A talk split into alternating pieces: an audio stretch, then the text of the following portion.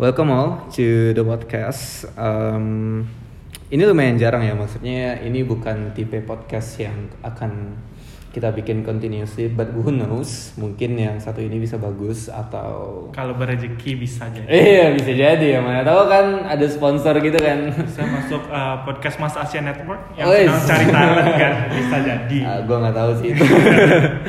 Em, tapi by the way ya ini mungkin sedikit konteks. Jadi ini adalah podcast produksinya. Oke mungkin kita perkenalan dulu ya, oke. biar orang tahu ini kita siapa. gue Arif, Arif Faradino. Gue anak ilmu komunikasi Universitas Andalas tahun 2018. Uh, gua Karim, M Said Makarim. Kita satu satu angkatan, satu jurusan Iya kita satu. dan satu konsentrasi juga. Iya satu kon- eh, public relations ya. Iya, Iya. public relation. Dan sebenarnya kita di sini ada ada berempat ya kalau misalkan kita exclude narasumber kita. Ini narasumber belum boleh ngomong nih. sabar dulu bos, sabar. Em, cuman karena yang satunya lagi itu lagi Berhalangan hadir. berhalangan hadir, dia sedang ada urusan. Ya lumayan orang penting juga di jurusan ya. Namanya Raza. Jadi dia nggak bisa hadir, cuman dia akan membantu di post production nantinya. Iya. Um, ini podcast uh, kita bikin sebagai bentuk dari ujian tengah semester uh, mata kuliah Uh, Media Production Network. Oh, Ah, workshop. Nah, kan lah lu gimana sih Karim? Kadang-kadang kurang karena baru kali ya. Iya, karena Jadi, baru. Uh, kata-katanya masih agak berbelit-belit. Iya, tapi workshop ya. Workshop. Ini diampu oleh Bapak Ilham Hafifi. Ya. Dan di sini kita akan ngebahas sesuatu yang lumayan menarik juga. Ini tentang pendidikan. Ya, tentang pendidikan dan di sini kita juga udah kedatangan salah satu narasumber yang mungkin emang kayak gimana ya? Kayak maksudnya gue juga kenal sama nih orang baru setahun sih.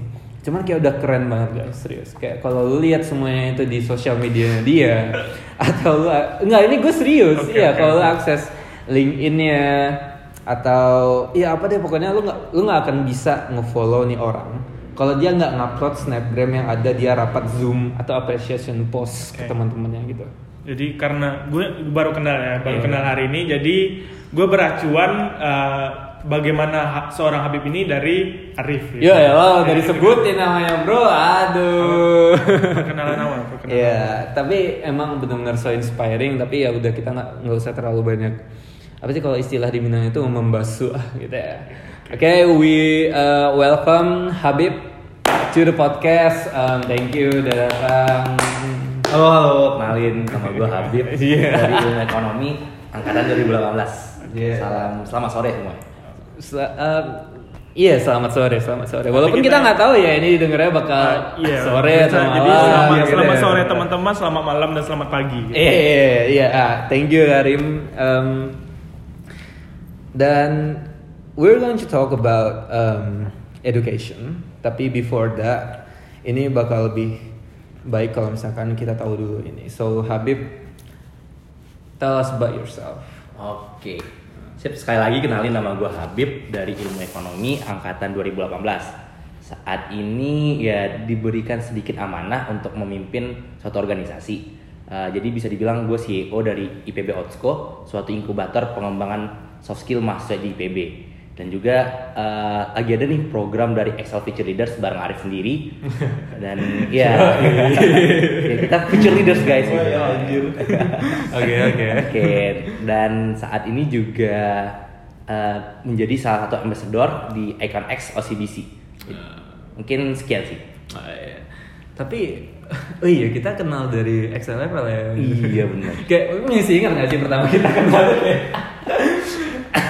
kayak gue masih ingat waktu pertama kali di XLFL itu eh gue gue benar-benar merasa asing ya. Lu ingat gak waktu itu kita ada main game apa? Yang Oh, yang lead Indonesia. Iya lead Indonesia itu kan jadi kan harus harus pada aktif gitu kan semuanya. Gue tuh kayak mungkin karena gue mikirnya gue awalnya itu cuman satu-satunya nih yang dari Sumatera Barat. Jadi gue kayak aduh gue harus ngomong sama siapa? Oh, ya? merasa Gitu. asing ya? merasa Iya bener merasa beneran. Karim iya gue asing. bener-bener merasa asing tuh gue nggak tahu ya. Kayak kalau gue perkenalan gue dari kampus ini kan maksudnya kayak ya biasa aja sih cuman tapi Ah, karena ternyata- karena sendiri kayak ih, kurang kurang percaya Hmm. gitu Terus lu nyamperin gue waktu itu kapan? Oh iya, jadi waktu itu kan sebelumnya gue uh, sempat ini kayak anak pernah masuk SG temen gue gitu. Nah terus ya udah gue cek di ini ya kan uh, di IG teman gue tersebut gitu. Oh, oh ternyata pernah bareng dulu sama dia. Jadi gue confirm dulu ke teman gue itu kayak Oh ini sih. Iya, si X ya.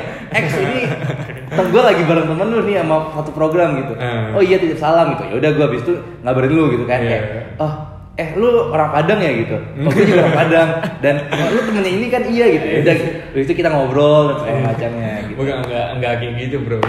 Orang Padang. lebih, lebih mem- memakai bahasa ibu ya bahasa Iya, pakai bahasa ibu. supaya keakrabannya lebih terasa gitu Iya, keakraban ya. Ini hati-hati nih, ini menyinggung. Pembahasan kita aja ini kita harus jaga WIT friendly bos. Gitu. Tapi ya itu benar-benar sangat eh, sangat relieving ya. Em, sekarang kuliah di Bogor. Iya benar, tapi kan ya sudah setahun nih pas banget gue dulu 10 Maret 2002, eh, 2020 balik dari Bogor ke Padang dan sekarang udah eh, 13 Maret 2021 berarti udah setahun gue di Padang gitu. Gila lu inget tanggalnya anjir. gue yang kalau kayak gitu gue nggak Kan nggak itu Ter- terakhir kuliah offline aja enggak Iya. itu kan hari bersejarah gitu. Ya. Nggak tahu kapan lagi balik ke Bogor kan. katanya awalnya kayaknya sebulan ya ke sebulan Iya. aja ya. tapi kayaknya kok udah sampai Maret lagi nih udah tahun depannya aja gitu Nah, em, kalau ini ini gue nggak tahu ya maksudnya kalau gue pribadi di Unan itu kan sejak pandemi ini kita kuliahnya online ya dan em, ya mungkin kita bisa kuliah lewat Zoom atau di WhatsApp. Cuman bagaimanapun kayak Unan itu kan masih di satu kota yang sama sama gue nih. Jadi gue nggak terlalu kayak apa ya nggak tahu kayak kadang kalau misalkan gue tuh ke kampus juga gue bisa gitu. Nah, lo kan beda nih Hmm. kayak udah di kota yang beda terus dosen gue juga di tempat yang beda gitu kayak apakah experience kuliah offline-nya dulu dibandingin sama kuliah online yang sekarang itu kayak beda banget atau nggak terlalu signifikan juga gitu buat Habib? Oh, berarti lebih ke sisi akademiknya, administrasi atau apa tuh? Eh, mungkin akademiknya dulu. Oke, akademiknya dulu ya. Ju- kalau dari akademik sendiri memang kan waktu itu waktu gue balik ke Padang itu kan 10 Maret tadi ya. Itu tuh lagi UTS. Jadi gue Oh. bersyukur. Jadi kayak bersyukur gitu.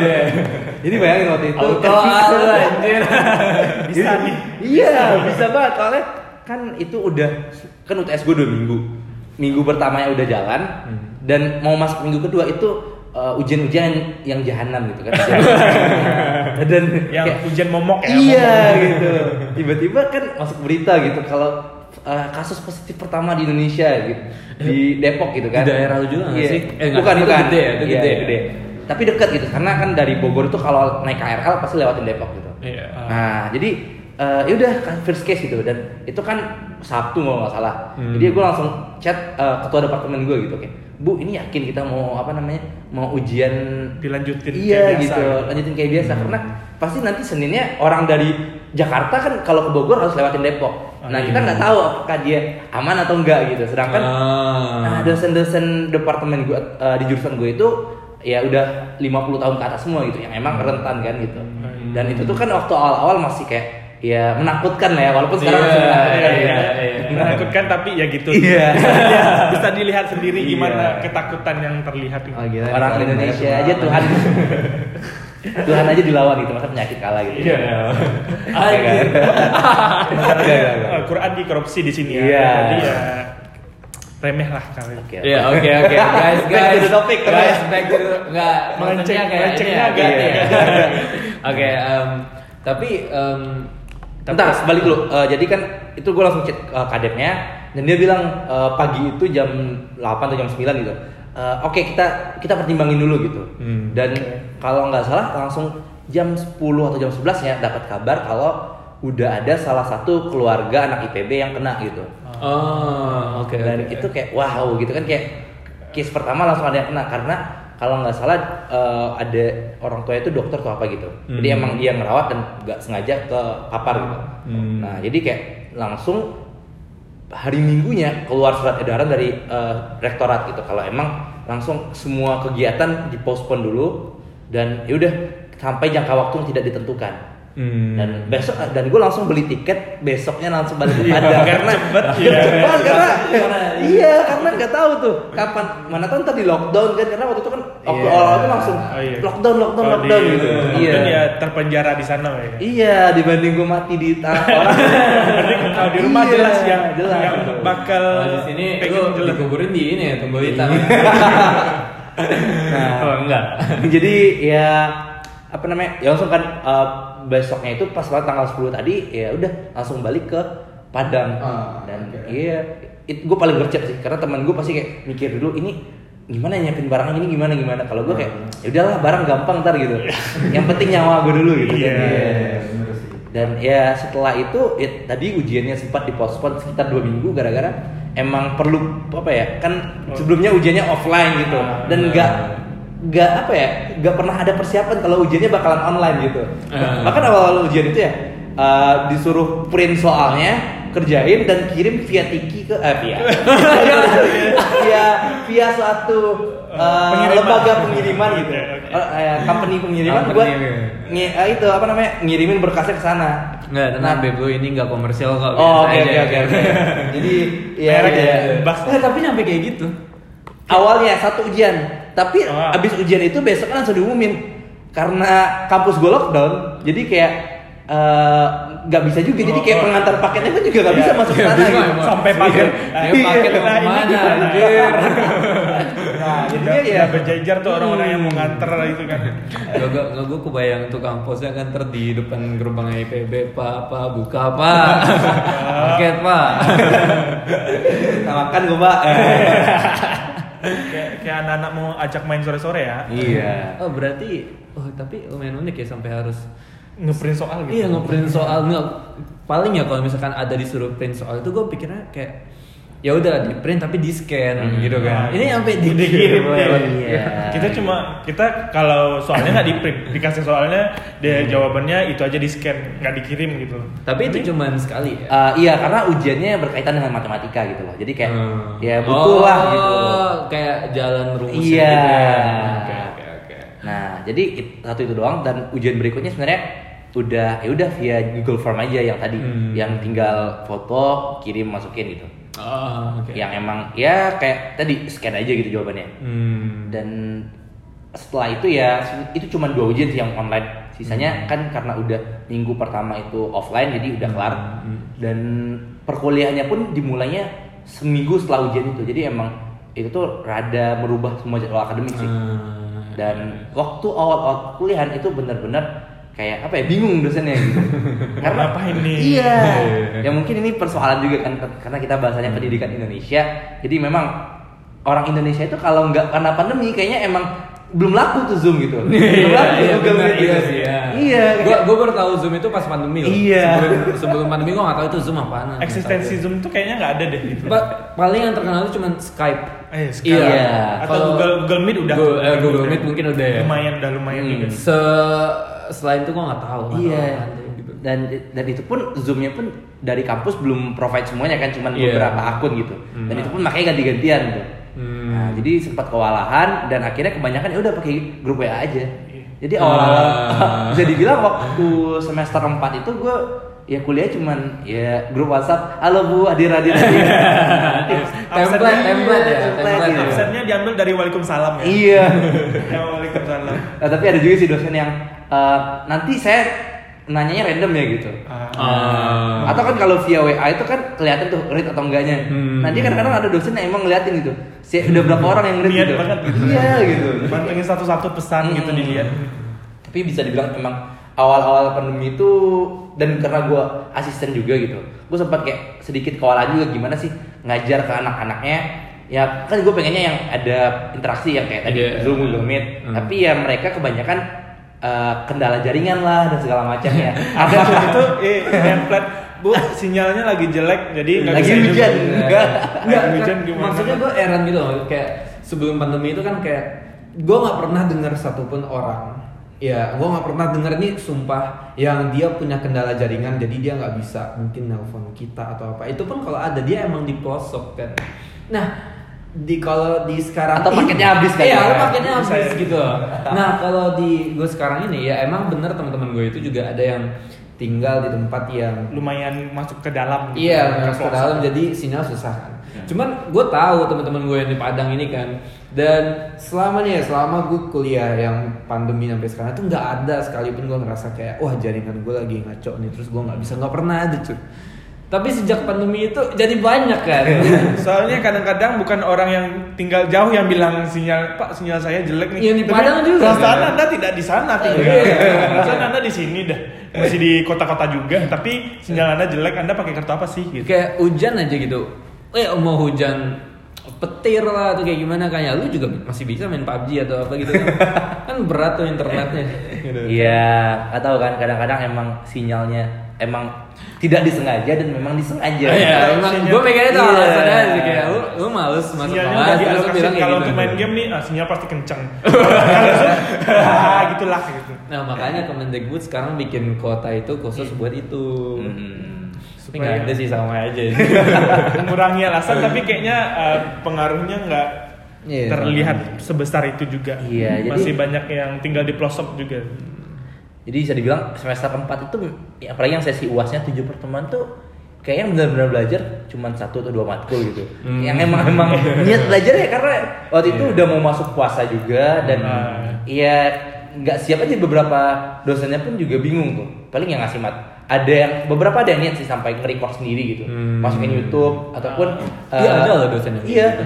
karena emang dia passionnya ngajar gitu kan emang Iya. di sana dan ada juga dosen yang kayak yang tadi dosen mat, yang matematika ekonomi itu dia Hmm. beliau baik banget gitu nah gue masih ingat namanya Pak ntar gue lupa Ah, ya, iya, iya, ya, iya. pokoknya bapak ya pokoknya bapak yang paling keren lah Kalau Iya. lu inget sekarang ya bagus, kalau nggak inget kan parah sih. nah jadi kan udah kelar semester empat ya gitu Iya. Nah jadi bapak itu bilang kayak "E, kalian gimana nih belajarnya gini gini dia kayak dia nih yang emang kalian prefernya pakai zoom pakai apa pakai apa kayak Dia dia yang aktif Hmm. nanyain mahasiswanya enaknya Iya gimana gitu. Hmm. Karena kayak ini materinya kalau nggak sampai kasihan aja saya gitu loh. Karena ini emang bakal membantu kalian banget gitu. Hmm. Dan bapaknya baik banget dan alhamdulillah di- beliau kayak nge-record gitu pakai Hmm. kan waktu itu ya dia belum ada zoomnya juga jadi emang dia recordnya pakai aplikasi-aplikasi manual gitu. Iya. Walaupun kayak d- ya memang ada beberapa kekurangan dari video tapi gue bersyukur sih masih ada dosen eh, dosen yang Seniat seniat itu. itu gitu emang sepassion itu sama ngajarnya emang buat mencerdaskan bangsa gitu Dia tuh inisiatif gitu ya. Iya, bener banget. Bukan enaknya dia aja gitu. Iya. tapi tapi ini menarik ya maksudnya kayak gue pernah diskusi sama temen gue tentang eh, apa sih mekanisme belajar kita itu sejak pandemi kan sekarang kita itu serba daring ya Iya. tapi kan pendidikan itu kan hak Hmm. seluruh orang Indonesia ya tapi aksesnya itu kan susah mungkin kalau misalnya kita bicara tentang mahasiswa yang ada di kampus-kampus besar kayak mungkin Di kota termasuk ya, di kota. iya termasuk Unan mungkin ya di kota Padang kan kita juga punya sinyal Ya, lumayan Eh, kencang lancar iya kencang. eh, atau mungkin tentu yang di ibu kota atau di neg- di kota kayak Bandung atau Jogja tapi kan kita juga ada nih masih ada terkadang beberapa mahasiswa itu dia nggak punya device ya yang atau kuota mungkin juga susah gitu atau walaupun sekarang udah ada dari pemerintah yang di gitu. provide pemerintah ya.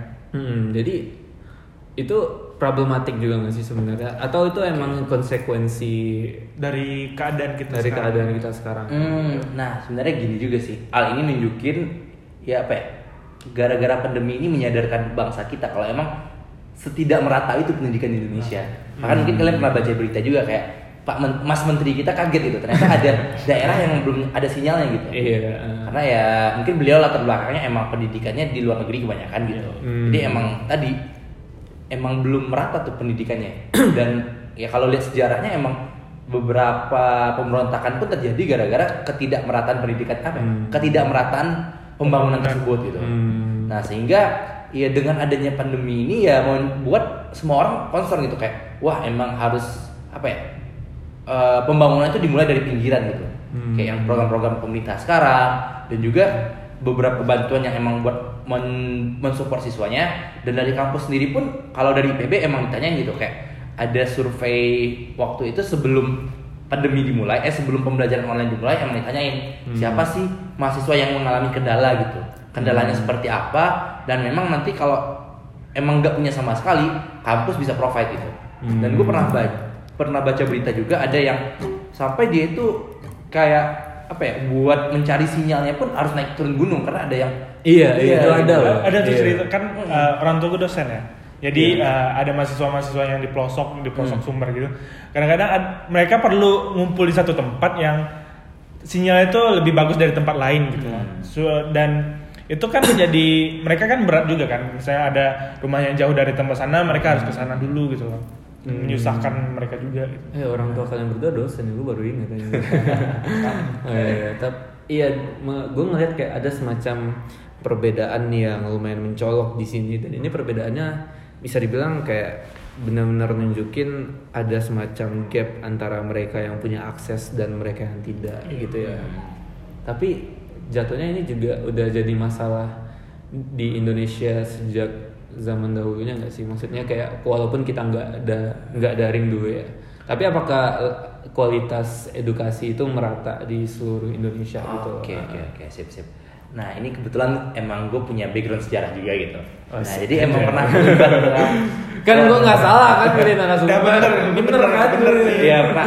Narasumbernya benar. beberapa lomba dan olimpiade terkait sejarah gitu kan. Eh. Nah jadi emang kalau bisa dibilang ya, eh ya waktu awal-awal kemerdekaan gitu kan emang semua apa ya, pembangunan itu terpusat di eh, di ibu kota gitu. Hmm. Di pokoknya di Jawa dan segala macamnya. Emang sentralistis banget gitu. Hmm. Dan itu pun yang meng- dan kalau teman-teman terutama orang-orang Minang pasti kenal kan eh, Pak eh, Syafruddin Prawira Negara gitu Hmm. yang jadi presiden mendadak karena gara-gara Oh, iya gara-gara. Jogja diserang gitu kan. Hmm. Nah, beliau kan jadi salah satu presiden ya pengganti Soekarno waktu itu. Hmm. Nah, karena ada agresi militer dari Belanda kan. Nah, eh, jadi waktu 1950 beliau ini dan beberapa eh, founder eh, founding father Indonesia lainnya Hmm. yang emang lagi concern membangun daerah kayak Pak Sumitro, ayahnya Prabowo yang memang jadi ini juga dekan pertama Fakultas Ekonomi Andalas. Hmm. Nah, beliau iya Pak Sumitro itu Pak Syafruddin ini eh, dia udah kalau kalian kenal ada peristiwa PRRI gitu. Iya. Pemerintah Revolusioner Republik Indonesia. Hmm. Itu tuh kenapa hal itu terjadi? Karena emang orang-orang di daerah ini kayak nggak seneng gitu gara-gara pembangunan itu tuh pusat aja di Jakarta gitu. Sedangkan Indonesia iya, iya. Karena Indonesia iya, juga gitu. gitu. Karena mereka ngakui satu Indonesia, satu nusa, satu bangsa kan. tapi kok yang dibangun yang di sana aja Iya gitu. Hmm. Jadi kayak apa ya? Ya itulah kayak orang-orang di daerah mereka yang punya sumber daya tapi malah diopernya ke pusat gitu. Sedangkan nanti dananya itu yang nyampe ke mereka cuma sepersekiannya gitu. Karena Hmm. emang dulu itu ya transparansi nggak jelas dan juga hal lainnya kurang jelas juga gitu. Makanya ada beberapa pem- pemberontakan gitu.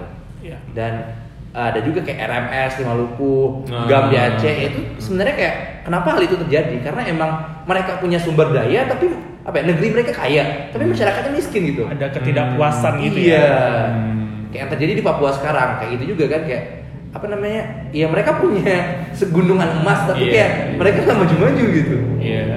mereka nggak men- eh, merasakan hasil emasnya gitu Iya. ada semacam uh, ada semacam sistem yang bikin perkembangan-perkembangan yang harusnya terjadi itu nggak terjadi gitu ya. Mungkin bukan terjadi tapi susah nggak sih? Hmm, iya. Dan solusi yang diberikan pun kurang memuaskan sih gitu. Kayak eh, kan setelah beberapa beberapa hal tersebut di tahun 2004 ada namanya otonomi daerah ya. Hmm. Otonomi daerah itu yang memberikan hak kepada daerah untuk eh, Mengelola. dirinya sendiri gitu istilahnya. Hmm. Nah, jadi dia kayak bisa nerapin eh, undang-undang daerahnya ataupun pemasukan-pemasukan daerahnya. Hmm. Tapi ya karena ini gue anak ekonomi jadi bicara itu dikit ya. Iya. Nah, jadi Gasin, bro. eh, bisa dibilang otonomi daerah itu gak sukses gara-gara ujung-ujungnya daerah-daerah tersebut karena terbiasa apa namanya nggak nggak terbiasa apa ya ketika dia mereka biasanya dituntut nggak Iya, bisa nggak bisa gitu. berdiri sendiri gitu ya Hmm. Hmm. kayak yang biasanya itu dia disuapin tiba-tiba Dia harus sendiri. berdiri sendiri kan kaget Iya, gitu iya, iya. nah tiba-tiba ada otonomi daerah tapi mereka nggak pernah disiapin sebelumnya Hmm. jadi ya pelaksanaan otonomi daerah itu nggak memuaskan gitu yang emang ya bisa dilihat kan kayak kemiskinan dan ketimpangan di Indonesia pun nih kalau bicara ketimpangan Indonesia itu paling parah di dunia Oke. itu ini bukan gue ngada-ngada tapi emang ada Ba- karena ini salah satu topik skripsi gue juga. Kayak Oh, ketimpangan. iya. Anjir tuh Jangan, skripsi, jangan. bro. Kita Lu, lu, lu 18 kan? Iya, dan apa? Ini udah bikin skripsi kita masih gini. Iya, kita masih kita, kita masih kayak bro, tunggu dulu. Gua belum dapat akses untuk bikin skripsi dari dosen gue nih. Buat visualnya teman-teman kalau bikin skripsi kita nih lagi tiduran gini aja. Iya, masih iya. mikir mau bikin apa ya? Mau Iya. ngapain ya? Udah Iya. advance banget gitu. Advance udah back to the topic sih. Nah, jadi emang ada apa ya? Tahun 2011 itu Lesman gitu eh, meneliti tentang negara yang ketimpangannya paling parah di dunia. Oke. Nah, bisa dibilang Indonesia tuh kalau nilainya itu ada dia pakai indikator ko- coefficient of variance gitu. Itu ya udah statistiknya abaikan gitu. Nah, yang intinya- bisa iya. dikonsumsi lebih mudah aja. Ya intinya Indonesia tuh nilainya 1,23. Nah, sedangkan negara-negara seperti Selandia Baru, Hmm. eh, Korea itu cuma 0,08 gitu. Jadi kayak semakin tinggi angkanya semakin menunjukkan parahnya ketimpangan negara tersebut. Dan ini kemudian dikonfirmasi oleh salah satu dosen dari IPB, Prof Firdaus gitu. Hmm. Nah, jadi beliau untuk orasi guru besarnya, beliau melihat itu kayak eh, mengevaluasi nilai CV tersebut yang coefficient of variance tadi eh, dan menghasilkan walaupun tidak sebesar tadi, tapi nilainya tetap 0,93 dan Hmm. itu tetap paling parah di dunia dibandingin sama eh, China dan eh Thailand dan China. Thailand itu cuma 0,8 dan China itu 0,6. Jadi ya separah itu ketimpangan di Indonesia. Dan kalau bicara lagi nih, eh bisa kalau kalian mungkin pernah baca berita ya, semenjak zaman Orba sampai sekarang itu kebocoran anggaran pemerintah itu bahkan hingga 50% kayak 1000 triliun. Wow. Mungkin kalian bisa baca berita juga ya. Jadi ada profesor gue juga, Prof Didi Damanhuri bilang gitu, kayak dia menggunakan metode ICOR, dia ngelihat itu kayak berapa sih kebocoran dana kayak kan tiap tahun ada APBN yang dikeluarin pemerintah. Iya. Berapa sih yang digunain buat koruptornya gitu? Oh. Berapa sih kebocoran yang buat tikus-tikus yang gitu? Nah, itu bisa dinilai dengan metode ICOR tadi dan ternyata Indonesia bisa dibilang sekitar 1000 triliun Gede. atau sekitar 50 persennya. Bayangin kayak APBN yang dianggarin 50 persen hilang nggak jelas gitu. Buat orang-orang ini aja gitu. Iya gitu. Gila bro, seribu, seribu triliun. Wah anjir gue keluar cabut kuliah gue anjir. Masih berani nih. Cabut Iya. kuliah terus uh, nggak ngapa-ngapain Iya, dengan uang seribu ngapa-ngapain. triliun masih berani, berani banget. Tapi Iya. sebanyak itu ya kebocorannya. Emang udah kayak macam kultur ya. Ya mungkin ini kita lebih bicara politik dikit nih gak apa-apa nih. Gak apa-apa sih. Ah. Ah, saya lah. Jadi kan kebetulan gue dapat mata kuliah ekonomi politik juga udah kelar sih semester lalu gitu. Iya. Jadi dan sekarang dapat mata kuliah sistem ekonomi. Jadi emang belajarnya uh, overall all the world gitu kan. Nah jadi emang apa ya kondisi yang terjadi sekarang itu uh, bisa dibilang ya Indonesia itu demokrasinya gak jelas itu.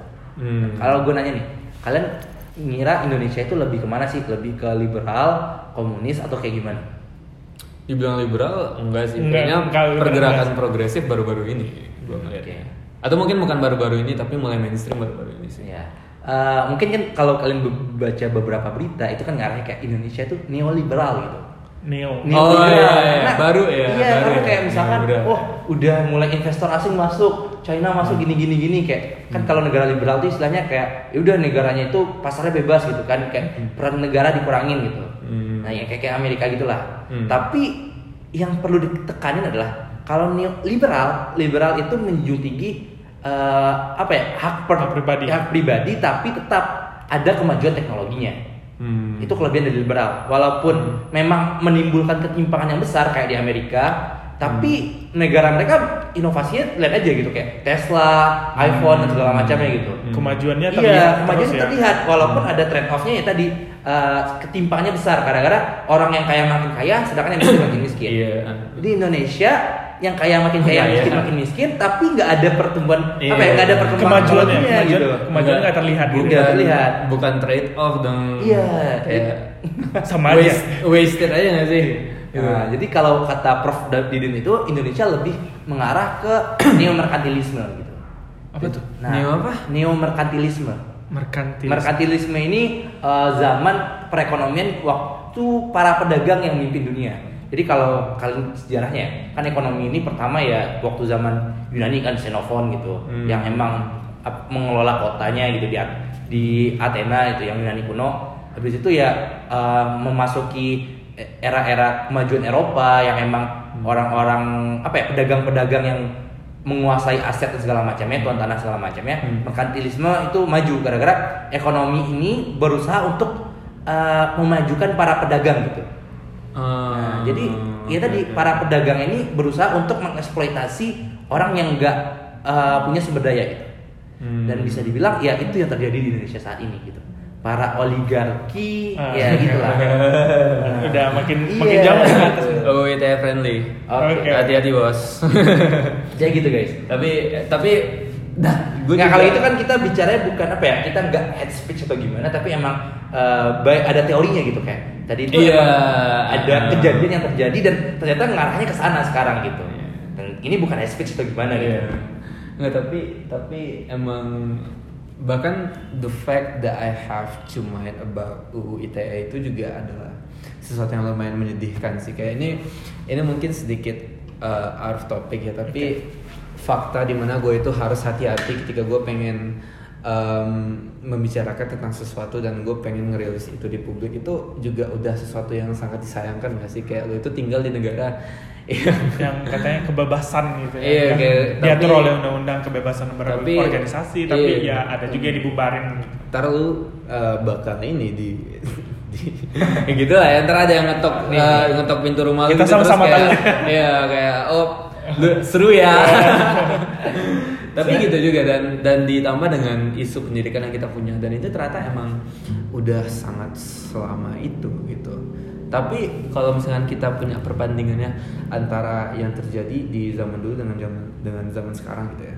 Oke. Kayak sekarang itu apakah kita itu sudah walaupun mungkin masih banyak banget nih PR-nya buat pemerintah dan kita sebagai rakyat untuk meningkatkan pendidikan cuman apakah kita sekarang udah berada right on track? Apakah kita sudah di kondisi yang lebih baik dari sebelumnya atau kita masih jauh dari hal-hal tersebut? Oke, ini mungkin gue nggak pernah baca yang yang berat-berat kajiannya gitu, tapi mungkin dari base yang pernah gue lihat di YouTube dan apa ya, yang memang materi yang kayak TikTok dan segala macam yang gue tonton, Hmm, emang Indonesia ini lebih kayak ya sudah berada di jalan yang benar. Hal ini dibuktikan eh, sebenarnya bukan apa ya, ini karena eh, semakin berkembangnya teknologi, semakin berkembangnya akses informasi gitu. Hmm. Nah itu tuh ya membuat orang-orang orang-orang itu secara nggak sengaja juga maju gitu Ah. dengan ber, ya kayak sekarang ya mungkin dulu Arif pernah cerita juga ke gue kayak dulu materi-materi eksklusif kayak eh, misalkan personal branding dan segala macamnya itu cuma iya itu Eh, diakses sama orang-orang tertentu iya aja cuma dari komunitas tertentu Iya. gitu tapi semenjak online ini emang bikin webinar lah bikin ini Iya. lah dan itu tuh ya free aja kadang gitu nggak nggak harus apa ya harus bayar mahal-mahal gitu dan paling kuota Iya. Iya, gitu. kuota sama waktu gitu Mm. pokoknya. Nah, dan juga kayak ada salah satu tapi disclaimer itu buat kita ya bukan semua orang juga berarti gampang mengakses itu ya Oke ya, maksudnya kayak orang lebih gampang lah ya dibanding kayak Iya, sebelumnya. dibanding sebelumnya. Mungkin ya tadi ada cuma komunitas tertentu, organisasi ter- tertentu yang emang dapat akses ke sana. Hmm. Tapi sekarang kayak spill over itu lebih gampang aja gitu efeknya. Iya. Yang emang lebih menyebar aja gitu loh. Kayak tadi ada orang yang apa ya dia sebelumnya biasa ngisi ngisi seminar, ngisi webinar, tiba-tiba dia kayak apa apa ya nggak pernah lagi tuh nggak ngadain acara yang offline pasti dia kayak pengen aja sharing gitu jadi Iya. hmm, kayak ada sesuatu yang harus dikeluarkan dan Iya, dibagi ya gitu. Iya kayak gila kayak sekarang itu lu bisa belajar apa pun cuma dengan nonton YouTube. Benar. Dan ini sih jadi fakta menariknya. Eh gue bisa dibilang kelas 12 itu nggak ikut bimbel, Hmm. tapi gue memang gunain platform digital doang. Karena eh, sebelumnya gue pernah ikut belajar kan kalau eh, ini bukan ini opini pribadi ya. Kalau bimbel itu menurut gue kayak kalian rame-rame di kelas, gurunya satu dan belajarnya cuma dua jam untuk mengejar pelajaran selama Tiga tahun. Tiga tahun itu Hmm. sedikit impossible dan, menurut dan gue. cuma Iya. sebulan paling ya Iya gitu. Hmm. Nah jadi kayak gue waktu itu guru pakai private awalnya. Tapi guru private ini ya gue bukan merendahkan dia atau gimana, tapi kadang-kadang ada beberapa hal yang gue tanyakan dan dia nggak tahu gitu jawabannya. Hmm. Nah sampai gue nemuin satu platform yang emang apa ya? Ya gue bisa kalau kan ini ada tuh silabusnya, jadi silabusnya pun pasti karena mereka jualan ilmunya gitu, pasti mereka membuat silabusnya sebaik mungkin gitu Hmm. sampai kayak gue nggak tahu lagi mau nanya apa karena udah tercover sama dia semua gitu Hmm. dan itu yang gue kayak ya udah gue emang mau nggak mau gue harus adaptasi dengan pembelajaran digital ini karena ya tadi in- akses informasinya banyak banget gitu Hmm. dan lebih dimudah dimengerti pasti kayak apa ya mereka yang bikin platform ini bukan orang sembarangan gitu Hmm. bukan orang yang apa ya yang guru les yang emang nyari duit gitu kan tapi emang dia foundernya pasti orang-orang yang pendidikannya tinggi yang emang Hmm. uh, menciptakan hal seperti itu capable. iya gitu capable istilahnya Hmm. dan akhirnya emang gue menggunakan platform itu doang selama ya pokoknya gue nggak berhenti private eh, pakai platform ini aja selama setahun itu kelas 3 SMA buat ngejar kimia, biologi, eh, Ah. fisika dan lainnya menggunakan satu platform ini dan alhamdulillah eh, bisa sih gitu walaupun gue nggak SPM ya gue SNM juga gitu Iya. tapi Yo, iya, tetap aja kayak lebih Iya, terasa, gitu, lebih terasa gitu. Iya. Dan ketika awal kuliah, gara-gara waktu itu gue ambis pengen ya pengen kan awal kuliah pasti kayak wah ini presma keren, ini mau keren gitu. Ya, Tamat tipik- 3,5 tahun. Tipikal, tipikal mahasiswa baru lah ya. Iya. Belum ditampar Tipikal. sama kenyataan yang kayak gitu. Iya. Ikut semua kegiatan tiba-tibanya ya berpulang ke rumah sakit kan gue selama dua minggu. Iya gara-gara waktu itu gue uh, Tipes. uh, DBD, DBD. Oh DBD, gue kirain lu karena kecapean. Eh tapi itu Iya, bisa juga, iya. Iya, Gitu ya? kecapean juga, Karena gitu. lu kecapean jadi gampang Iya, imunnya itu ya. gitu, Oh, kurang. Oke. Dan Emang benar-benar sibuk itu lu dulu. Iya bisa dibilang kayak gitu kan awal-awal maba ya kita kan Iya. pasti kayak wih pengen Iya. pengen dan ditambah di IPB itu tahun pertama kan nggak ada kendaraan dan kita wajib di asrama gitu. Ah. Jadi mau ke mana-mana harus jogging gitu. Semua, Harus jalan kaki. semua mahasiswa baru tuh di Semua asrama. mahasiswa baru harus di asrama dan nggak boleh bawa motor ataupun mobil gitu. Jadi ya Oke. Se- sehat ya, biar, Iya, biar sehat. itu. Jogging tiap hari jogging tiap hari. dan alhamdulillah waktu DB itu kayak gue mencapai tahap gue paling kurus gitu karena Oh, iya. turun 10 kilo waktu itu. Waduh, jauh juga ya. Jauh juga. Iya, karena emang apa ya? Ya tadi gue nyari makan eh, itu gue harus beli makan itu dua bungkus. Oh, Karena energi- sana ya energi satu udah habis nih buat pulang ya. Ketika gue pulang udah pasti lapar lagi gitu. Iya, iya, iya. Harus dapet ya. Iya. Kalori kalori yang terbakar ketika lu ngambil makanan itu lebih banyak daripada yang lu dapatkan. Jadi di rumah makan itu kayak isi bensin aja. Iya. Kan rumah isi lagi. Isi lagi. Double, double. Jadi ya tadi lah eh, dan sakit dua minggu itu kayak gue dua minggu gak ikut perkuliahan dan gue kaget dong kayak waduh kuliah kan kalau SMA ya udah bab satu itu bisa sampai empat pertemuan. Tapi kan kalau kuliah bab satu satu pertemuan bab dua satu pertemuan lagi. Jadi ya mau nggak mau gue harus adaptasi itu dengan platform online. Tapi ya platform online buat kuliah ternyata yang untuk Indonesia belum ada gitu. Hmm. dan eh, alhamdulillah waktu itu gue nemu salah satu platform yang paling keren gitu. Hmm. karena foundernya Salman Khan itu Khan Academy Hmm. itu beliau dulu alumni MIT sama Harvard Hmm. dia udah ahli finance segala macam ya Hmm. tapi dia ninggalin semua hal duniawi itu buat mengabdi bikin platform ini dan platform Oh. ini sampai sekarang gratis bayangin jadi kayak eh, ada tuh orang sebaik itu gitu sededikasi itu Iya. dia terhadap uh, Dan pendidikannya tinggi ya. Iya. Hmm. Dan dia ngerasa emang apa ya? Dan itu yang semangat yang gue tanam dari dia gitu kayak. Pendidikan itu bukan lagi suatu apa ya? Suatu hal yang eksklusif tapi emang hak setiap orang gitu. Karena Hmm. emang apa ya? Kalau lu nggak berpendidikan pasti gampang dibodohin dan kriminalitas pun salah satu penyebab kriminal kriminal kriminal ah, Kriminalitas. kriminalitas tinggi adalah yang Kejahatan tadi ya, gitu ya Ah. karena yang tadi kurangnya kurang berpendidikan kayak dia ngerasa ya udah gue nggak tahu lagi mau dapet duit gimana. Ya udah gue rampas aja. Gue ngaling aja gini gini pakai jalan pintas aja. iya gitu Dan emang itu ya realitanya yang terjadi gitu ya. dan paling keren dari metode Salman Khan ini adalah dia ngajar itu bukan apa ya kan kalau nah ini cara tentang pendidikan juga nih kalau lu kan misalkan SMP atau SMA eh, lu belajar misalkan eh, pembagian gitu. Hmm. pembagian nilai lu eh, 30 remedial ya udah remedial tuh nilainya pasti naik jadi 75 kan Iya. Iya. iya. tapi lu nggak tahu nih apakah lu bener-bener paham pembagiannya atau enggak gitu Ah. Nantinya kalau nilai lu di atas 75, lu naik kelas gitu. Iya. iya. Nah, padahal ya tadi bas, eh, basisnya atau yang pembelajaran dasar tadi lu belum paham gitu. Hmm. Belum kuat gitu kan ilmunya. Hmm. Nah, lu lanjut terus. Itu masih SD ya. Nah, nanti waktu kuliah lu waktu SD aja pembagian belum lancar gitu. Tiba-tiba eh bukan kuliah. Waktu SMP lah. Iya, iya, iya. Ketemu aljabar gitu kan yang Waduh. A, A, B, C Apaan gitu. Nah, biasanya matematika itu 1 2 3 nih kok ada ABC, ada X, ada Y, mereka siapa gitu. Nah, mereka siapa iya kan? Lu siapa aja? Kita, kenalnya gitu. kita kenalnya angka, kok tiba-tiba matematika, matematika ada alfabet. Iya. Apa nih? gitu. Nah, belum tadi ya pembagiannya belum lancar gitu. Tapi dia karena udah SMP ditutup harus ya udah pasti Iya. pasti pintar gitu. Gak bisa dong kayak gitu. gue gue bisa relate banget sih tentang itu. Soalnya waktu SMA dulu kan kan matematika tuh. Terus gue kelas 1 itu semester 1 sama semester 2 benar-benar nggak tahu nih matematika tentang apa ada gue nggak tahu. Jadi kelas 2 sama kelas 3 itu gue benar-benar nggak tahu. Pokoknya kalau lu tanyain gue itu sesuatu yang paling gampang nih matematika materi SMA gue nggak bisa jawab.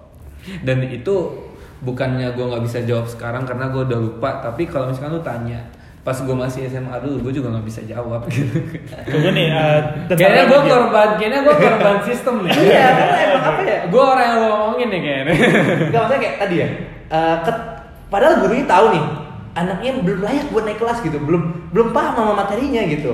Harusnya kan em- eh, dan tapi ada tuntutan dari atas kalau diting kalau dia tinggal kelas nanti gurunya kena gitu. Iya. Atau Hmm. sekolahnya yang kena gitu. Ya, Iya, reputasi. reputasi yang kena, tapi Iya, sehingga dia mau nggak mau menaikkan kelas anaknya. Padahal dengan dia naikin anak kelas anaknya tuh, anak ini jadi ada apa ya? Membawa dia ngerasa dia udah udah cukup gitu. Padahal dia ada hal dasar yang ketinggalan Yang gitu. ketinggalan, iya. Nah, jadi si Salman Khan tuh nemu kayak itulah problem yang terjadi di dunia gitu. Nggak cuma di Indonesia, di negara-negara lain pun kayak gitu. Hmm. Jadi ketika dia kuliah, dia ketemu uh, hal yang lebih abstrak lagi gitu.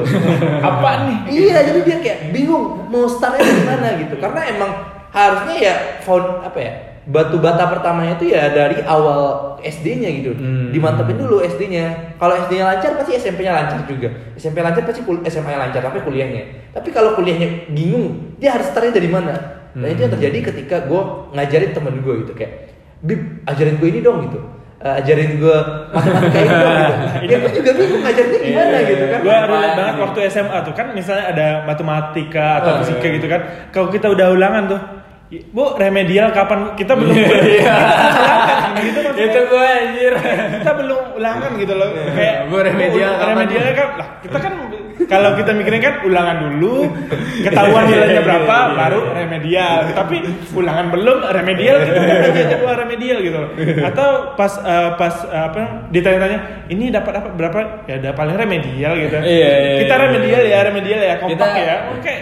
Ya gitu. Udah udah berada di udah berada di mode pemikiran di mana kita tuh udah langsung bilang ke diri sendiri kayak gue nggak bisa ini gitu. Iya. iya dan ya nggak tahu sih mau nyalain siapa. Apakah mungkin emang kitanya aja yang nggak bisa atau, sistemnya gimana atau gitu. ca- cara ngajar cara belajar kita tapi sendiri kalau kan gue pribadi ya gue gue mencoba untuk nggak terlalu menyalahkan itu sih. Mungkin ini adalah suatu jenis masalah yang bisa dibilang lumayan signifikan juga gitu. Tapi gue yakin kayak mungkin tiap individu itu punya cara yang berbeda-beda untuk untuk menghadapi hal-hal seperti ini gitu ya. Tapi bagaimanapun juga ini tentu menjadi PR yang sangat besar buat Indonesia untuk mulai berbenah lagi Iya, gitu memperbaiki ya. diri lagi ya Dan sebenarnya kita bersyukur sih dengan adanya online ini ya. Hmm. Nah jadi kayak tadi pembelajaran yang sebelumnya kan bertatap muka, bertatap muka itu kalau lu nggak paham hari itu, Hmm. ya pertemuan besok lu harus apa ya? Lu bingung mau ngejar sendiri ya harus Iya. kita harus ngejar sendiri Nah mungkin kan lu nyuruh dosennya ngulangin lagi gitu. ulangin lagi oh, iya. Nah, tapi dengan adanya pembelajaran online gitu, ya kan bisa di record. Direkam, oh, iya. Hmm. Itu sih. Jadi Salman Khan tuh menggunakan metode tadi. Jadi dia bikin video-video pembelajaran yang emang orang itu belajarnya sampai paham gitu. Hmm. Karena emang yang harusnya pendidikan itu adalah prosesnya bukan hasilnya. Sedangkan ya masyarakat di dunia itu lebih menghargai nilai dibanding Nah, nilai. Iya, dibandingkan proses orang mengejarnya gitu. Iya iya men, gue gue kadang mikir kayak gila tuh seluruh nilai yang gue dapetin pas sekolah itu nggak ada artinya kalau misalkan gue pakai waktu gue buat hal-hal yang lain kayaknya oke dah. Kayak ada ada bakat-bakat tersembunyi yang bisa di Dikembangin, kembangin gitu. gitu. But anyway, um, ini it's been 43 minutes. Wow, it's quite long. Kita, eh, Tapi ini asik banget sih ngobrolnya dan dan keren banget ya. Maksudnya uh, we start this because we have an assignment for a subject. Tapi it turns out to be a very precious conversation and there's a lot that we can take. Me personally and I think Yeah. Karim has a lot to take from it too. keren sih tapi mungkin gue juga pengen sedikit nyinggung tentang kehidupan kampus lu juga nih kan lu tadi Oke. sempat mention kalau itu um, CEO-nya IPB dari Scout. organisasi. Nah, ini Outsco, IPB Outsco. ya, apa Outsco ya? Kok kok Scout itu yang pra- Outstanding Student College. Iya. Kalau Scout pramuka aja. Itu itu gimana? Ini IPO, I- IPB Outsco ini apa? Dan lu ngapain di situ? Oke, jadi PB Outsco ini bisa dibilang adalah eh, sebagai sebenarnya ini adalah mini XLFL ya gitu.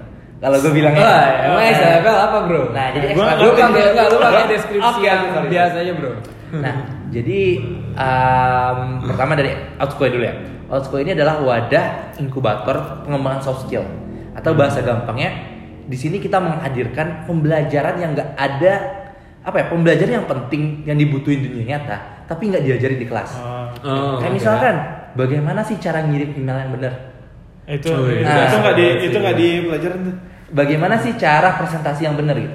Kayak bayangin lu tiap mata kuliah disuruh presentasi tapi ada nggak sih diajarin kayak gimana bikin PPT-nya, gimana bikin apa namanya pengaturan layout dan segala macamnya dan bahkan presentnya sendiri gitu gimana sih gitu? Lu copy paste apa yang ada di makalah terus ceplokin Iya. di ini Iya. di PPT kan banyak banget ya, harusnya nggak kayak gitu ya. Kayaknya sih emang sedangkan nanti di dunia karir eh, apa ya, dunia profesional hal seperti itu penting gitu. Hmm. Bagaimana sih negosiasi yang benar gitu? Bagaimana sih kolaborasi yang benar gitu? Hmm. Sedangkan kayak kalau kolaborasi kita di kelas ya kayak, wah kalian ada tugas kelompok nih, kerjasama ya gitu. Padahal yang satu nggak tahu mau ke mana gini gini gini kan. Kerja Nah, kelompok tuh aneh banget. Iya, satu kerja, kelompoknya main gitu. Iya. ini satu materi ini lah udah kasih udah. Iya. Nggak ada diskusi sama sekali men. Gue Hmm. mikir kayak kalau misalkan cara kerja kayak gini ya udah penting ini jadiin tugas individu aja gitu. Soalnya nggak ada terlalu there's there's nothing that you can take out of this gitu. Dan sendiri-sendiri juga bisa. Iya, gitu. Iya, tapi berarti itu yang IPB Outsco coba. Nah iya jadi kita tadi apa sih yang kalau hard skill udah cukup ya di kelas gitu. Hmm. Nah, tapi ya tadi soft skill yang emang dibutuhin untuk eh, biar lebih apa ya kualitas pendidikan di Indonesia itu meningkat. Sebenarnya Outsco sendiri pun eh, gini ya, gue sedikit curhat. Jadi kayak IPB itu kan bisa dibilang nih walaupun nomor satu di Indonesia sekarang, Hmm. tapi kalau ditanyain ke anak SMA mau milih ITB, UGM, UI sama IPB, Hmm. bisa dibilang IPB itu pilihan terakhirnya. Hmm. Nah, jadi Osko ini mencoba untuk uh, changing the status quo gitu. Oke, Oh. oke, oke, oke. Nah, jadi kita ya tadi gitu, karena emang IPB itu sekarang prinsipnya adalah global winner gitu. Ya kita memang udah Indonesia dari Kemendikbud udah dibilang ya udah nomor satu gitu. Hmm. Tapi tetap ada hal yang perlu diubah di Indonesia ini buat Hmm. mindset orang. Ya IPB ini nggak cuma pertanian loh gitu tentang pertanian. Emang banyak orang-orang keren dari IPB ternyata. Dan Hmm. itulah yang kita tanamin gitu. Pertama-tama ya target dari Osko ini adalah mahasiswa tahun pertama dan tahun kedua yang emang dia baru join atau ya, baru memasuki dunia kampus itu masih prima ah, apa ya primatur gitu ya prematur Iya, prematur ya prematur, prematur. Apalagi kayak sekarang kan mereka nggak ada yang masuk kampusnya Ya, cuman virtual aja gitu Gimana tuh rasanya Iya. masuk kuliah tapi di rumah doang itu? Ah. ya kan, kan kita yang udah nyoba, kita udah ngerasain offline. Berdinamika. Se- benar-benar berdinamika di kampus terus anak-anak yang 2020 gitu masuk kampusnya di rumah doang masuk kampus. Bade ya. sampai sampai zoom nggak pernah nggak bakal tuh nyoba nyoba ada kalau kita nyebutnya ada bakti gitu ya Iya, ada bakti. nggak ada nemu nemu abang-abang kalian nggak bakal nemu abang-abang tuh di rumah Ta- enggak, tapi gue juga ngelihat ini sebagai sesuatu yang menarik ya. I mean, um, banyak orang yang bilang hal-hal kayak gitu, you have to find it out yourself. Lu harus cari sendiri atau lu harus alamin sendiri. Berarti uh, IPB Outschool ini kalau yang gue lihat ya, kalian coba bikin platform di mana kayak kalau misalkan orang itu bingung mau cari ilmunya itu kayak gimana, you have that gitu, Oke. and you provide that. Ah, sebenarnya Atau ini sih, ini meneruskan dari mimpi rektor kita, Prof. Aris Satria. Jadi beliau bilang gitu, kalau pemimpin itu ada dua jenis, yang emang uh, originalnya sendiri gitu, lahirnya emang jadi sebagai seorang pemimpin, Hmm. dan ada orang yang emang dibentuk buat jadi pemimpin. Ah. gitu. Hmm. Dan kita coba ngasih treatment-treatment yang menghasilkan pemimpin tersebut gitu, Hmm. karena emang apa ya, uh, jujur IPB bisa dibilang emang kampus inovasi banget gitu. Hmm. Kayak ada jalur ketua osis, ada jalur prestasi kayak lu pramuka, lu berprestasi lu bisa masuk IPB gitu. Oh iya. Iya, jadi, Jadi emang nggak Wah, gue bisa masuk IPB dong kemarin. nggak terbatas ada senam PTN, SBM atau ujian mandiri gitu jadi banyak gitu ya jadi menghargai setiap itu orang apa ya? Setiap uh, capaian orang tersebut. jadi Karena nggak emang hmm, nggak ada nggak terbatas di ujian itu aja Iya. gitu. Hmm. dan mimpi rektor tersebut uh, memang belum semuanya terrealisasikan di setiap jurusan nah tapi kita sebagai mahasiswa yang gue tahun ketiga dan gue ngerasa waktu tahun pertama dan tahun kedua itu uh, sebenarnya gue dulu sebelum jadi CEO ini adalah peserta outsko juga Nah, dan gue ngerasa kayak ketika gue gue waktu tahun pertama itu belum jelas kayak ya udah kuliah Ngapain? ya ya ketemu teman pokoknya setelah gue sakit tadi ya gue langsung berubah gitu Oke. Itu Udah. titik balik ya, eh, iya titik baliknya turning ya, pointnya kayak Hmm. ya udah gue kuliah cuma apa namanya kuliah bukan buat ambis-ambisan lagi udah kuliah main nongkrong jalan udah gitu Iya. nah tapi nggak tahu tiba-tiba wah ada ada salah satu uh, mapres IPB beliau Kak Arga namanya nah beliau tuh uh, waktu itu bikin suatu acara gitu Hmm. buat jelasin kenapa kalian punya perlu bermimpi bla bla bla gitu jadi Hmm. ketika gue yang masih maba dengerin dia gue kaget kayak buset keren banget gitu loh Iya. kayak Oh, wow gitu kan iya. Nah kayak gue langsung kayak wah gue harus nyobain gue harus gue harus join nih kegiatan gitu Hmm. nah jadi gue peserta tahun pertama outsko gitu waktu 2018 tersebut nah gue join kelas tahun pertamanya dan ya tadi gue ketemu sama orang-orang yang satu misi sama gue gitu Hmm. nah mungkin kalian ya kalau kalian mau apa aktif di suatu atau ambis ikut suatu kegiatan ketika lingkungan kalian nggak support pasti dibilang apa sih lo ambis banget gitu apa sih lo Wih. ikut Oh. kegiatan Di- ini dicengin gitu iya ya? Iya, iya. Nah, sedangkan di sini kita emang malah dipaksa gitu loh buat Karena Ah. buat ambis, buat Iya. ambis. Eh, tapi kalau ada lingkungan yang kayak gitu Ka- Kalau lingkungannya Iya. sesuai Iya. ya kitanya enak-enak nggak aja lu gitu. nggak insecure atau ngerasa aneh gitu justru lu berada di environment yang memaksa Yang- lu yang bukan memaksa gitu. sih apa sih kayak nge-encourage lu, lu untuk self develop Iya gitu. Dan itu yang terjadi di tahun pertama itu kayak wow, gue pengen gue apa ya dapat insight baru kalau dunia itu nggak cuman kuliah kampus udah eh Hmm. kosan kampus doang gitu. Kosan kampus mall ya. Kupu-kupu ya, kuliah pulang, kuliah pulang. Iya, tapi ternyata ada wow, gue bisa ikut kegiatan ini, gue bisa uh, ikut acara ini. Banyak yang bisa Iya. dieksplor gitu ya. Hmm. Dan eh ya tadi gue abis itu diajak salah satu kakak di Outsko buat ikut salah satu conference eh, terbesar di Indonesia, Hmm. Eh, Tech in Asia Conference gitu. Hmm. Dan itu emang Oh, Tech in Asia, Iya. betul. Dan itu emang ngedatangin eh, kayak startup startup keren kayak eh, founder-founder ya kayak Ahmad Zaki, eh, William Tanuwijaya dan segala macam ya buat Hmm. speaker di sana. Dan itu kayak kalau bukan karena Outsko gue kayaknya masih mahasiswa yang ya tadi gitu. Ah. Masih di kampus-kampus aja. gitu. Iya. Dan di tahun kedua, eh gue sebenarnya masih bisa buat join Outsko lagi, tapi gue ngerasa kayaknya udah gue mencoba lah untuk membuat Outsko lebih baik lagi gitu.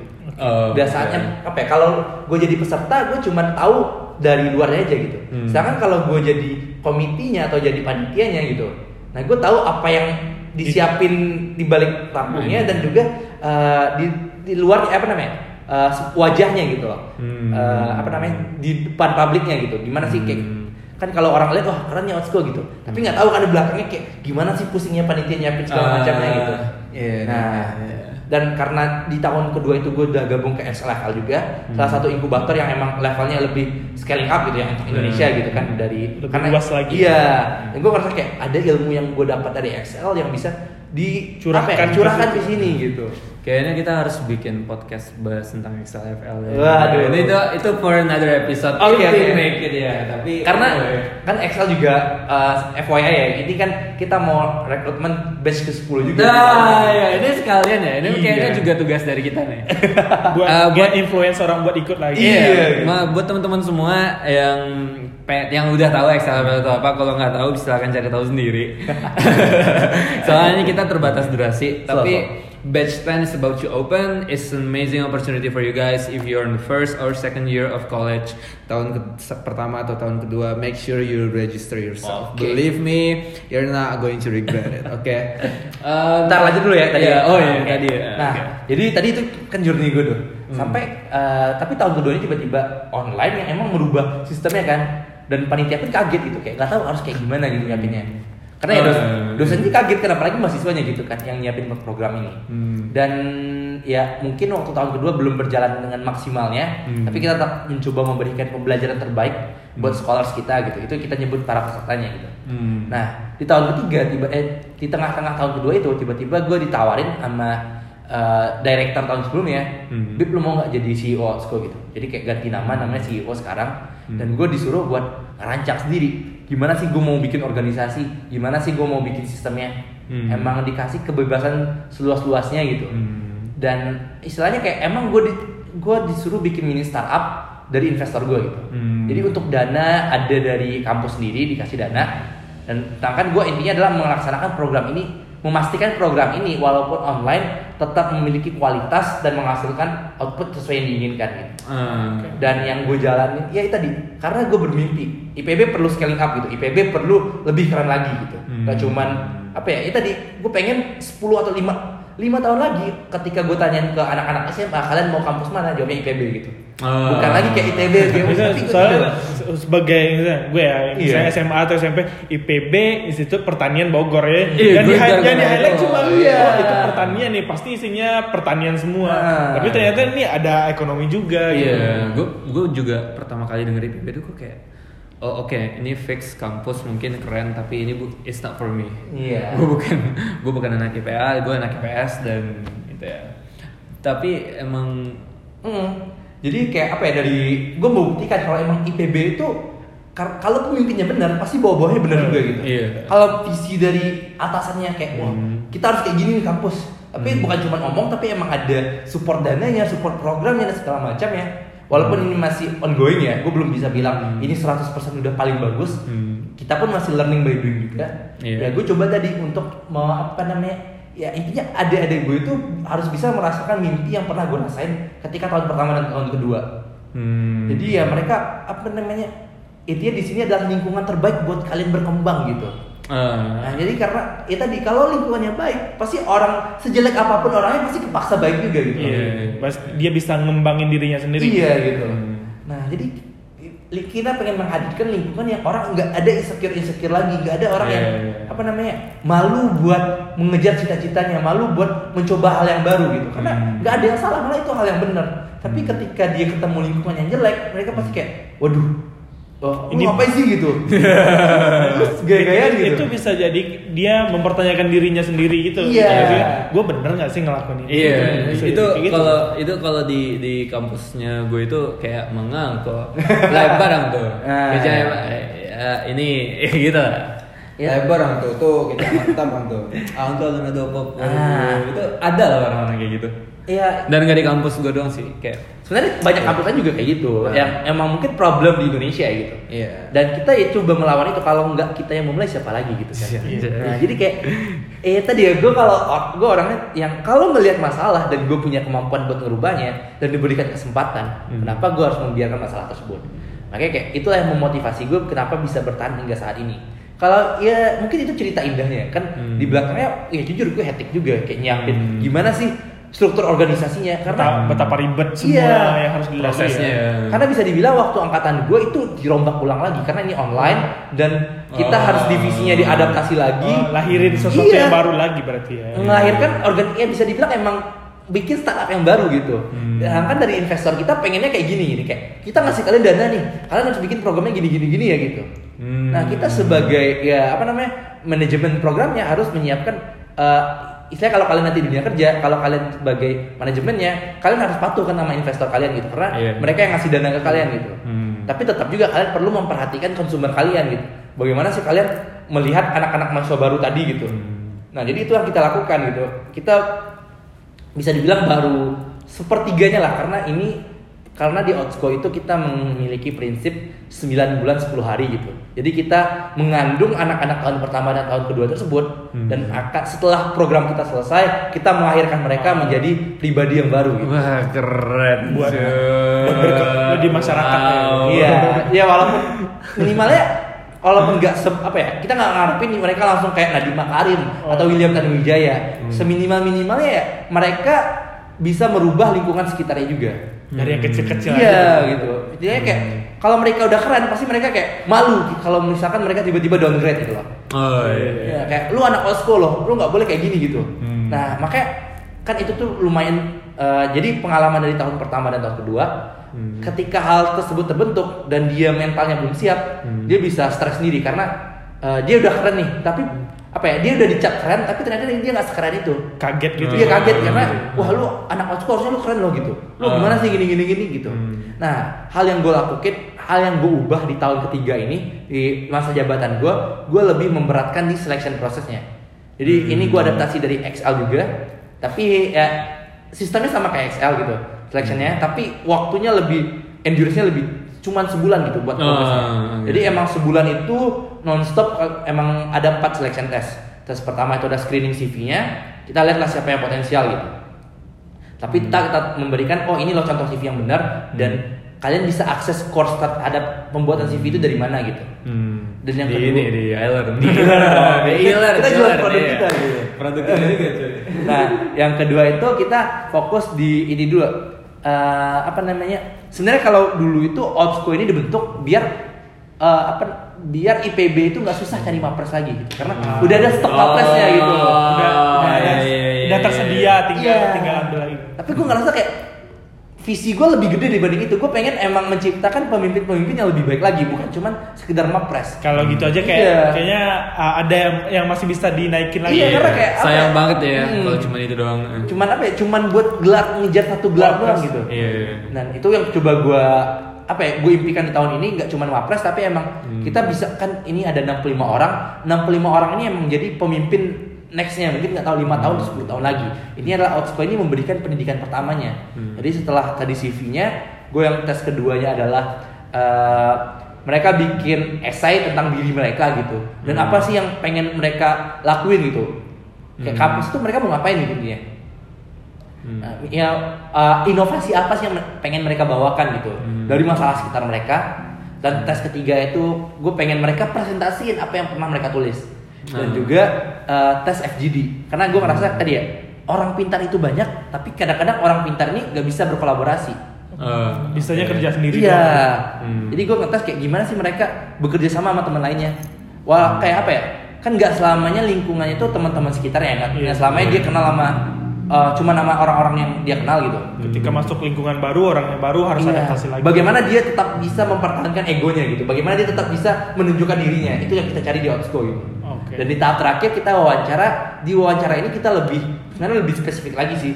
Kita pengen melihat orang ini dia mau dibawa ke mana gitu. Dia udah seminimal minimalnya walaupun dia oh, belum oh gue udah pernah menang lomba ini ini tapi setidaknya dia udah tahu dia mau ngarahin diri dia ke mana gitu. Hmm. Jadi dari kita Osko pun bukan membentuk masa depannya tapi kita memberikan dia apa ya kita mengarahkan dia agar jalan itu lebih terarah gitu. Nah, oke. Nah itulah yang kita lebih yakin sama jalannya sendiri Iya. gitu. Dan alhamdulillah udah terpilih 65 orang terbaik dari setiap fakultasnya dan saat ini ya programnya masih berjalan gitu. Dan untuk programnya sendiri bisa dibilang ada tiga fase gitu. Yang pertama adalah understanding yourself gitu. Jadi anak tahun pertama dan tahun kedua itu kita berikan materi-materi terkait bagaimana mereka mengenal diri mereka. Hmm. Jadi kayak individual development plan, ikigai, uh, Ah, iya. start with why, infinite game gitu. Nah Hmm. itu yang kita ajarkan di fase pertama ini. Hmm. Dan di fase kedua kita uh, setelah mereka mengenal dirinya, kita melengkapi mereka dengan skill apa sih yang dibutuhin sama orang sekarang ini. Gitu. Hmm. Kayak misalkan critical thinking, dare to speak English gitu. Hmm. Nah itu yang kita berikan di fase kedua. Dan saat ini IPB udah eh Outsco ini udah di fase kedua ini gitu, lagi ongoing gitu sampai minggu depan. Dan di fase ketiga kita nggak pengen menciptakan orang yang cuman keren buat dirinya sendiri, tapi Hmm. bagaimana dia bisa berdampak buat lingkungan sekitarnya gitu. Hmm. Dan di fase ketiga ini lebih kayak you society and legacy itu temanya. Ah. Nah, jadi di fase ketiga ini pun alhamdulillah kita udah berkolaborasi dengan salah satu company yang emang CEO-nya itu alumni IPB juga gitu. Jadi kayak CSR-nya itu emang di- diarahin ke pengembangan Outsco ini. Jadi anak Iya. Anjir. lebih lebih lebih terjamin lagi ya kayak. lebih terjamin lagi keberlangsungan Oke. outschoolnya lebih Iya, lebih tapi itu dari lagi. sisi program ya, bukan dari sisi, sisi dananya gitu. Oh, kita oke. nggak ngarepin fresh money, tapi Oke. yang karena adalah uh, grand project kita itu, dan karena kita ngarepin legacy mereka ya, grand project kita itu uh, kita pengen anak-anak ini adalah berdampak untuk lingkungan sekitar. Jadi kita berkolaborasi dengan company ini, di mana company ini berfokus di FMCG dan memiliki beberapa partner uh, UMKM itu. Hmm. Nah, jadi kita ngarepin anak-anak Osko ini setelah mereka memiliki ilmu, mereka bisa tadi membantu UMKM ini agar lebih naik kelas gitu. Hmm. Jadi mereka nggak cuman apa ya, kalau kalau kalian ikut lomba, kalian dikasih tema, kalian wah UMKM harusnya pakai teknologi ini, UMKM harus pakai pakai teknologi ini. tapi cuma sampai sana aja Iya, tapi kan itu cuman perspektif kalian ya. Apakah memang mereka permasalahannya di sana atau enggak? Jadi emang kita ngarapin mereka itu mendengarkan langsung dari masyarakat. Ah. Design thinkingnya jalan gitu. Desain Ah. thinking, iya. Itu harus satu dalam. nah jadi eh, apa namanya ya tadi kita collab sama di sana dan sebelum mereka mengabdi ke masyarakat tersebut kita melengkapi melengkapi mereka dengan pengetahuan pengetahuan bisnis juga gitu Hmm. yang emang eh, perusahaan ini udah ahli lah ya gitu karena dia Iya. udah dua tiga puluh tahunan perusahaannya gitu udah lama lah Itu penting tuh pendidikan bisnis. iya Kita dia di sekolah diajarin pelajaran sekian banyak, ternyata waktu selesai semua persekolahan kita harus bisnis ya kan? Kaget kan? Kan kaget kan? kan kaget itu kayak gimana sih bikin produk yang benar gitu karena kadang-kadang orang menyamakan antara menjual dengan bisnis gitu Eh. nah jadi kayak ya uh, gua jualan ini loh gue bisnis ini gitu kan kayak Udah bisnis banget tuh kalau udah kalau bisnis. bisnis itu lebih ya bu, karena mungkin gue dari ekonomi harus punya minimal ada empat pilarnya gitu ada uh, dari sisi human developmentnya dari HR-nya ada dari sisi uh, operasinya operasionalnya sisi finance-nya dan juga sisi uh, oh, sorry gue satu lagi lupa gitu nanti ada empat karena gue bukan anak manajemen juga sebenarnya Oke, oke. nah jadi uh, itu ya yang harus di ini sebenarnya Nah, dan yang menyiapkan para sekolah ini agar mumpuni buat membantu masyarakat, kita mendatangkan langsung eh, head apa ya, shift-shift dari setiap divisi dari perusahaan tersebut. Dan CEO-nya langsung pun turun tangan gitu. Jadi mungkin ya ntar gue share lah tanggal 24 April besok kita bakal ada kelas bareng CEO -nya gitu. Ada. Jadi semua Gua bisa join kan nih? Wah, Ya, gampang. Ini gua peraturan. Aduh. Karena datang dari orang itu, jadi ilmunya lebih valid ya. Iya, jadi ya pakai apa ya kadang-kadang nih, gue bukan menghina atau gimana, karena bokap gue dosen juga. Nah, tapi kan kadang-kadang dosen itu ya tahu teorinya aja gitu, Hmm. nggak tahu emang apa namanya Praktek ya, lapangannya. iya gitu. Hmm. Nah, ini bukan bermaksud merendahkan atau gimana, tapi ya itu kan artinya saling melengkapi gitu. Nah, Hmm. ketika mereka belajar di kelas dengan teori, kita melengkapi mereka dengan para profesional yang emang ahli di bidangnya buat Hmm. mengajarkan mereka terkait gimana sih marketing yang benar gitu, gimana sih uh, mengelola tim yang benar, bagaimana sih uh, networking yang benar gitu. Nah, Hmm. itulah kita coba hadirkan biar grand project mereka itu emang bikin project yang keren bukan cuman nanti mereka mikirin ya udah dananya dari donasi aja gitu. Hmm. Dananya dari sumbangan aja kan nggak gimana cara kan uh, problem di Indonesia adalah orang bikin banyak project sosial, Hmm. tapi mereka nggak mikirin gimana cash flow-nya gitu. Hmm. Padahal sebenarnya bisnis sosial itu adalah bisnis yang paling bagus karena akan menghasilkan dampaknya lebih banyak ke society gitu. Nah, itulah yang coba kita hadirkan di Outscope gitu. Wah, gila sih. Banyak banget nih ilmu yang didapat. Iya, anjir ini ini apa ya kayak kalau lu gimana menurut lu Karim ya? Brief ya. Soalnya udah anjir ini udah jam 6 menit guys. Ini kayaknya 30 menit bakal lama. Waduh, udah sejam nggak kerasa, nggak Iya. kerasa banget nih. Tapi tapi gue nggak gue nggak keberatan ya. Maksudnya ketika tadi udah nyampe di angka 28 gue tahu gue tahu banget kayak I know ever since that time uh, it's gonna be even more than an hour. But I do not mind because I know it's going to be a lot of insights and gue bersyukur banget sih kayak soalnya ini it turns from just an assignment to fulfill our task into something that I believe can inspire a lot of people. Dan menurut gue ya people have to listen to this gitu. Ya harus sih. People have to listen to this podcast. Ini benar-benar anjir banget. Dan dengerinnya enjoy banget kita kita nih ngobrol gini nggak nggak uh, dengan kayak harus ngomong tapi enjoy keluar gitu aja. iya, dan Enak banget nih ngobrol. Jujur ini nggak ada disiapin skripnya ya. Kita Iya, nggak itu ada. ada. Kayak Impromptu aja sih. Ini, ini sedikit background ya, Pak. Tadi itu gue janjiin si uh, narasumber kita ini Habib itu besok. Oke. Terus gue change schedule-nya itu hari ini, tapi jam 4 gitu. Tapi dia kirain itu jam 4 besoknya, padahal hari ini. Jadi ini orang datang ke rumah gue baru sekitar ya dua jam Iya. yang lalu kita ngobrol dikit terus baru bikin podcast tapi gila ini masih it's so inspiring Um, tapi karena emang udah terbatas durasi banget uh, it's okay it still can be uploaded to many platforms jadi teman-teman bisa ngedengar podcast ini di banyak platform itu nanti Karim yang tolong tolongin ya Karim ya nanti, nanti dikasih tahu deh di mana di uploadnya. Iya, di- bisa dikasih tahu. di- dikasih tahu di mana. Um, thank you Habib for uh, be present in here today in this podcast. Ilmunya kita banget banget sih. Iya banget kita mulai diskusiin dari pendidikan Indonesia, Politik. dan Eh, kita- politik, kita gitu ya. Pembangunan, sini- ya, pembangunan. sini dikit sana Iya, dikit dikit dikit boleh lah ya. Tapi bagaimanapun ini juga menjadi sesuatu yang sangat precious dan kita harap teman-teman semua bisa inspired by this. Gue awalnya nggak mau bilang kayak gini sih. Uh, gue nggak mau bilang share soalnya kan- ini kan emang cuma tugas doang. But I think if this is quite useful for you, then please do share it to your friends so we can inspire more people. But ya yeah, oke, um, udah satu jam 9 menit. It's time for us to go now. Uh, gue Arif sebagai host Gua Karim sebagai host, co-host atau host kayaknya sebagai teman Arif, Iya, sebagai iya. teman Arif. iya iya iya kita berdua teman Aduh. Dan- iya anjay dan juga Habib sebagai narasumber pada hari ini. iya um, we're signing out and you people have a good day See you.